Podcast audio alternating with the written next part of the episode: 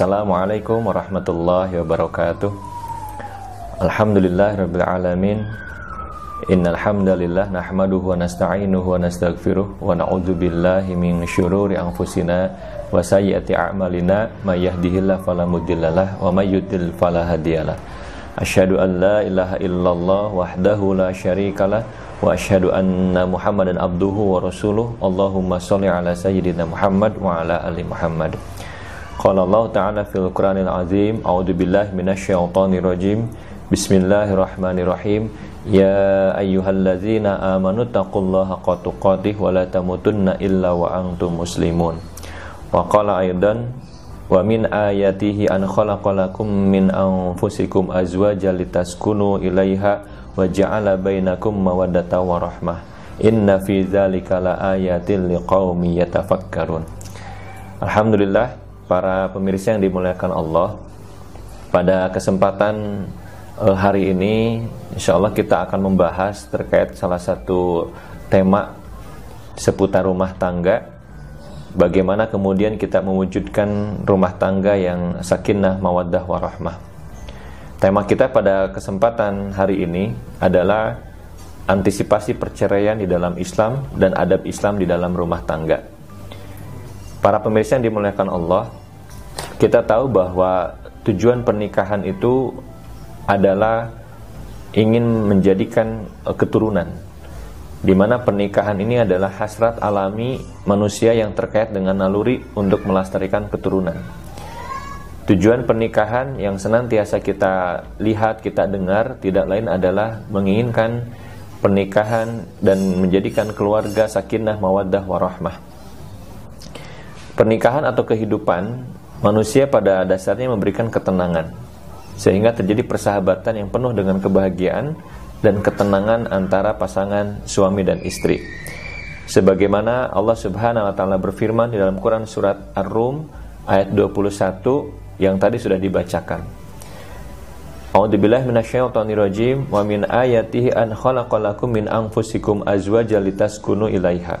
Dan di antara tanda-tanda kekuasaannya Dialah mencipt, dia Allah Subhanahu wa taala menciptakan untukmu istri-istri dari jenismu sendiri. Wa ja'ala bainakum mawaddah warahmah supaya kamu cenderung merasa tentram kepadanya dan dijadikan di antaramu rasa kasih sayang. Apa kata Allah? Inna fi zalika laayatil liqaumi yatafakkarun. Sesungguhnya pada yang demikian itu benar-benar terdapat tanda-tanda bagi kaum yang berfikir. Para hadirin dimuliakan Allah, pasti semua mengharapkan uh, keluarga rumah tangga yang sakinah mawaddah warahmah. Dan ini pun disampaikan oleh para ustadz, oleh para kiai, oleh para guru ya, supaya keluarga kita menjadi keluarga yang sakinah mawaddah warahmah. Namun saat ini fakta perceraian di Jawa Barat ini cukup luar biasa.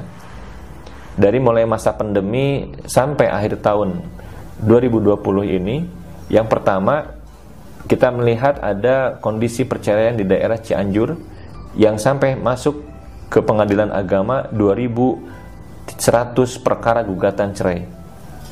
Ada juga di wilayah Cikarang, di daerah Kabupaten Bekasi sampai 2000 orang. Ada juga dari media massa pikiran rakyat menyebutkan untuk wilayah Garut tercatat 2000 lebih angka perceraian. Dan adapun perceraian di wilayah Bogor Pengadilan Agama Bogor menyampaikan bahwa dimulai bulan Juni sudah ada 90 kasus perceraian sampai akhir tahun ini sudah mencapai angka 2500 perceraian. Hal ini sesuatu yang uh, aneh, sesuatu yang uh, bertolak belakang dengan tujuan pernikahan. Di mana tujuan pernikahan menginginkan keluarga sakinah, mawaddah warahmah, ingin menjadikan anak-anak soleh dan soleha, tapi kedua orang tuanya bercerai. Ya, bapaknya, ibunya bercerai yang akhirnya merusak tatanan rumah tangga. Anak-anak menjadi terbengkalai. Anak-anak tidak ada pola pengasuhan yang baik di tengah-tengah mereka. Ini merupakan masalah di tengah-tengah kita. Beberapa uh, waktu yang lalu, ya Ketua ICMI ataupun dari LKBH ICMI Bekasi menyampaikan ada penyebab pernikahan pernikahan ini apa gagal dan terjadi perceraian.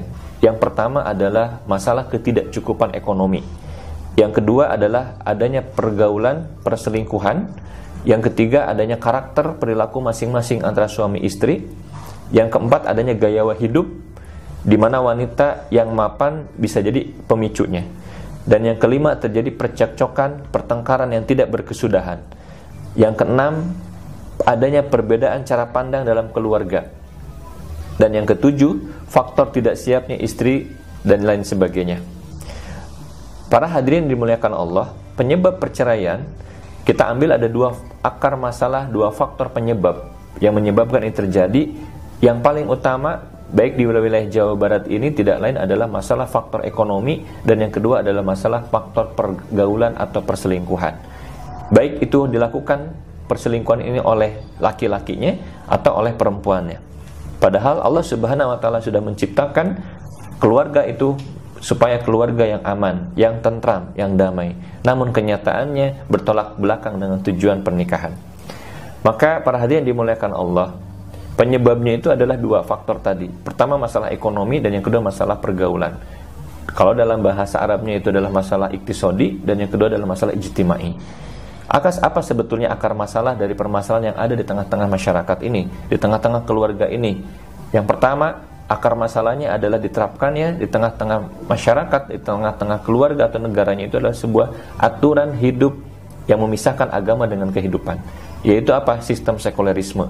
Di mana sekulerisme ini adalah fasludin anil hayah, memisahkan agama dengan kehidupan. Agama hanya ditempatkan sebatas ibadah mahdoh saja ibadah ritual saja. Tetapi dalam kehidupan sehari-hari, baik itu di kantor, baik itu di kalangan kampus, baik itu di masyarakat, agama ini ataupun Islam ini tidak diterapkan di tengah-tengah kehidupan kita. Maka inilah yang menjadi akar masalah adanya kehidupan liberal sekulerisme, yaitu memisahkan agama dengan kehidupan. Yang kedua, apa sebetulnya akar masalahnya? Karena lemahnya pemahaman masyarakat terhadap ajaran Islam kafah melemahnya masyarakat terhadap uh, keinginan untuk mencari ilmu, keinginan untuk melakukan taskif, melakukan pembinaan yang akhirnya tak mampu ya di dalam perilaku kesehariannya itu membendung ya kehidupan di rumah tangga ini. Akhirnya apa? Terjadilah sebuah uh, apa perceraian di dalam rumah tangga. Dan yang ketiga, tentunya terkait dengan masalah ekonomi Kenapa bisa muncul baik itu di Cianjur, baik itu di Bogor, baik itu di Garut itu masalah ekonomi. Karena pada saat ini diterapkanlah ekonomi kapitalis. Di mana ekonomi kapitalis ini berujung bukan untuk mensejahterakan masyarakat, bukan untuk mensejahterakan keluarga, bukan juga untuk mensejahterakan rakyat, tetapi lebih banyaknya mensejahterakan korporasi yaitu para pemilik modal. Inilah tiga faktor penyebab yang terjadi, akar masalah yang terjadi sehingga perceraian ini memuncak. Maka bagaimana sebetulnya Islam memecahkan permasalahan ini? Yang pertama, yang kita harus pahami bahwa tingkatkan dan fahami Islam secara sempurna. Bahwa Islam itu mengatur seluruh aspek kehidupan. Islam mengatur masalah sholat, ya. Mengatur masalah puasa, ya. Mengatur masalah rumah tangga, ya. Mengatur masalah mendidik anak-anak, ya. Mengatur bagaimana bergaul dengan e, tetangga, bagaimana bergaul dengan masyarakat, ya. Dan bagaimana kemudian e, apa Islam ini mengatur masalah ekonomi, masalah budaya, masalah pergaulan dan seterusnya. Jadi kita harus pahami bahwa Islam itu adalah agama yang sempurna dan agama yang menyeluruh. Dengan memahami Islam secara kafa, maka kita tidak hanya memahami Islam sebatas aspek ritual atau ibadah mahdoh saja. Yang kedua, rubah pemahaman dan kondisi kehidupan saat ini, yaitu kehidupan sekularisme yang memisahkan agama dari kehidupan dengan kehidupan yang islami di mana kehidupan Islami ini hanya diterapkan, hanya bisa diterapkan apabila Islam itu diterapkan secara sempurna. Dan yang ketiga, apabila Islam ini belum ada, belum hadir di tengah-tengah kita, maka wajib bagi kita untuk menjaga kekokohan keluarga dengan menjadikan sholat dan sabar sebagai penolong kita. Dan insya Allah, kalau itu dilakukan, maka Allah Subhanahu wa Ta'ala sebagai zat yang maha menciptakan akan kemudian menolong kita, menolong keluarga kita, menolong suami ataupun istri kita baik dalam kondisi ekonomi yang sekarang kondisi terpuruk ataupun dalam kondisi pergaulan yang akhirnya bisa dijaga dengan sebaik-baiknya. Maka dengan hal itulah perceraian yang akan meruntuhkan tatanan rumah tangga, yang akan merusak hubungan antara ibu bapak dengan anaknya itu akan terjaga. insya Allah karena Allah dan karena tujuan pernikahan ini sudah kita uh, dapatkan sebelumnya. Maka uh, bagaimana caranya? Ya, Islam ini mengatur ataupun menghindari uh, perceraian ini.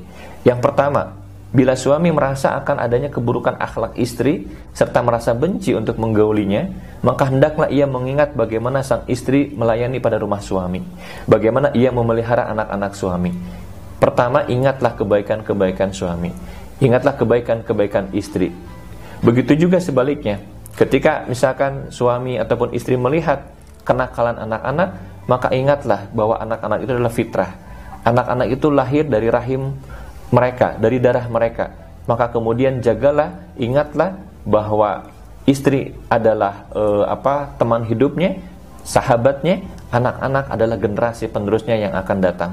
Maka dengan seperti ini itu yang pertama maka perceraian percocokan akan kemudian terhindari karena mengingat akan kebaikan-kebaikan istri bagaimana melayani kepada suami dan sebaliknya bagaimana kemudian suami menafkahi istri bagaimana suami banting tulang untuk kemudian memberikan nafkah kepada keluarganya yang kedua apabila suami tidak merasa senang atau suka kepada istrinya maka Allah Subhanahu wa taala menyuruh kepada suami ya ataupun kepada istri untuk mengingat-ingat kebaikan apa yang ada dalam dirinya.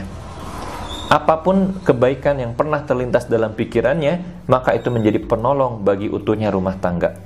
Dan yang ketiga adalah mengingat akan akibat-akibat yang terjadi jikalau perceraian atau talak itu muncul di rumah tangga. Apa? Yang pertama, hilangnya nafkah dari suami. Hilangnya nafkah dari uh, apa? kepala rumah tangga yang kedua, kewajiban penyerahan sisa mas kawin yang diberikan kepada istri. Yang ketiga, akan adanya teluntak-luntanya anak. Anak menjadi broken home. Anak menjadi putus harapan. Bagaimana dia harus dibina, bagaimana dia harus menggantungkan dirinya. Kepada siapa yang harus menggantungkan dirinya? Apakah kepada pamannya, apakah kepada bibinya dan sebagainya. Maka anak akan menjadi uh, apa terlunta-lunta. Anak men menjadi uh, korban dari perceraian yang muncul di tengah-tengah keluarga. Kemudian berikutnya adalah permusuhan antara apa? mertua dan saudara ipar dan juga bencana-bencana lainnya apabila perceraian ini terjadi di tengah-tengah keluarga. Maka kita harus mengingat ya poin yang ketiga ini adalah akibat-akibat yang akan terjadi jika perceraian itu apa melanda rumah tangga. Maka kemudian Allah Subhanahu wa taala mengingatkan kita dalam Quran surat An-Nisa ayat 19, A'udzubillahi minasyaitonirrajim. Bismillahirrahmanirrahim wa ashiruhunna bil ma'ruf. Maka pergaulilah mereka ya istri ataupun suami itu dengan cara yang ma'ruf. Dengan cara yang ma'ruf itu dengan cara seperti apa? Dengan cara yang baik, dengan cara yang hanif. Ya. Supaya apa? Fa in karihtumuhunna fa'asa an takrahu. Ya supaya rumah tangganya utuh. Maka apabila kamu ya kemudian tidak menyukai mereka, maka kata Allah ya Fa'asa an takrahu huwa syai'an wa yaj'aluhu fi khairan katsiran. Maka kata Allah Subhanahu wa taala bersabarlah. Bisa jadi kamu tidak menyukai sesuatu padahal Allah Subhanahu wa taala menjadikan padanya kebaikan yang kebaikan yang banyak. Baik para pemirsa uh, yang dimuliakan Allah dan yang sama-sama mengharap ridha Allah Subhanahu wa taala. Tadi sudah saya jelaskan bagaimana kemudian antisipasi percaya dalam dalam Islam ya. Jadi kita harus mengingat-ingat uh, jasa ataupun uh, hikmatnya istri kepada suami dan juga bagaimana istri uh, mengingat kebaikan-kebaikan suami dari mencari nafkah banding tulang untuk menafkahi keluarga dan seterusnya. Maka bagaimana kemudian ya dari menghindari dari menghindari perceraian itu bagaimana kemudian Islam mengatur adab antara keluarga yaitu adab antara pergaulan suami dengan istri. Maka yang pertama bagaimana kemudian suami memposisikan istri itu sebagai uh, sahabat ya. Berarti ketika dia menjadi sahabat kalau dengan sahabat dekat seolah-olah kita tidak perlu untuk bermuka masam. Kita perlu dengan cara senyum itu menjadi sebuah kebahagiaan buat mereka yang kemudian berlemah lembut. Tidak pernah sahabatnya itu mengungkapkan kata-kata kasar. Kata-kata yang menyinggung hatinya. Apalagi menyinggung emosinya untuk kemudian uh, apa ingin membalas kata-kata itu. Itu akan kemudian memisahkan persahabatan. Maka suami itu harus kemudian bermuka uh, manis, bermuka baik di hadapan istrinya. Dan kemudian juga berlemah lembut. kemudian harus tahan dan lapang dada terhadap apa? Terhadap sikap istri yang kemudian terkadang e, berlagak sok tahu. Berarti suami harus menerima apa pun apa pun kekurangan istrinya.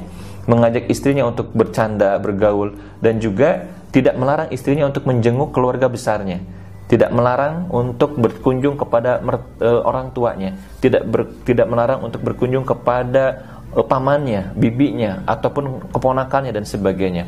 Jadi andaikan suami memahami itu, maka suami yang harus kemudian mengajak, menawarkan ya kepada istrinya untuk kemudian berkunjung bersilaturahmi dengan keluarga besarnya. Kemudian juga suami tidak perlu untuk melarang istrinya apabila dia mengaji ataupun datang ke masjid dan sebagainya. Karena larangan ini memang eh, dalam hadis Rasulullah SAW untuk kemudian di apa dilarang seorang laki-laki ataupun seorang e, apa manusia untuk melarang manusia yang lain masuk ke dalam masjid ya rumahnya Allah. Itu adalah adab. Adab terhadap siapa? Adab suami terhadap istrinya. Adapun adab istri terhadap suaminya berarti apa? Kewajiban istri untuk memenuhi hak-hak suami. Yang pertama, ketika istri keluar dari rumahnya, maka dia mendapatkan izin dari suaminya. Kalau suaminya tidak mengizinkan, apalagi kemudian dua hari tiga hari dia keluar rumah, maka kemudian istri ini sudah sudah berbuat nusus. Ya, sebuah sudah berbuat nusus. Maka tindakan suami memisahkan uh, apa tempat tidurnya dengan suaminya. Kenapa? Karena perbuatan nusus ini karena istri tidak mengikuti perintah suaminya untuk tetap uh, berdiam diri di rumah atau tidak meminta izin kepada suaminya. Yang kedua tidak membantah atau melawan pendapat suami. Dan hendaknya seorang istri taat kepada suaminya selama suami itu tidak menyuruh kepada kemaksiatan. Ya, contoh misalkan diminta untuk memasak, diminta untuk menyediakan minuman, untuk membersihkan rumah atau membuat adonan roti dan sebagainya. Maka itu menjadi kewajiban bagi istri untuk taat dan patuh kepada suaminya selama suami tidak menyuruhnya kepada kemaksiatan. Dan juga istri tidak perlu membebani suaminya dengan hal yang tidak mampu dan tidak kemudian meminta suami di luar batas kebutuhan keluarga. Dan yang terakhir adalah istri tidak mengadukan perihal keburukan kepada suami. Maka para pemirsa yang dimuliakan Allah, sebagai penutup kajian kita pada hari ini, betapa banyaknya perceraian itu akan menimbulkan bencana-bencana dan mencerai-beraikan keluarga. Memisahkan pola pengasuhan anak, anak menjadi orang yang broken home, memisahkan antara e, seorang laki-laki dan seorang istri yang sudah e, diikat dengan ikatan pernikahan yang merupakan misakun golizo yang merupakan ikatan yang kemudian suci, ikatan yang agung. Berarti tujuan pernikahan ini tidak tercapai. Maka dari itu, ya, kita harus ingat betapa banyak perceraian ini menelantarkan kasih sayang sekumpulan keluarga, memisahkan antara suami istri yang Allah Subhanahu wa taala telah menjadikan keduanya saling berkasih sayang.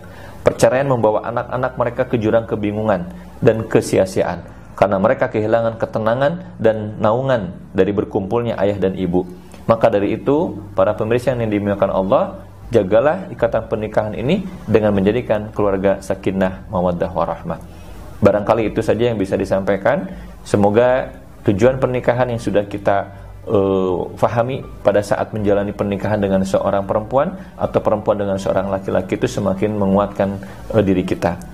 Ya, itu saja yang bisa disampaikan. Wallahu a'lam bishawab. Assalamualaikum warahmatullahi wabarakatuh.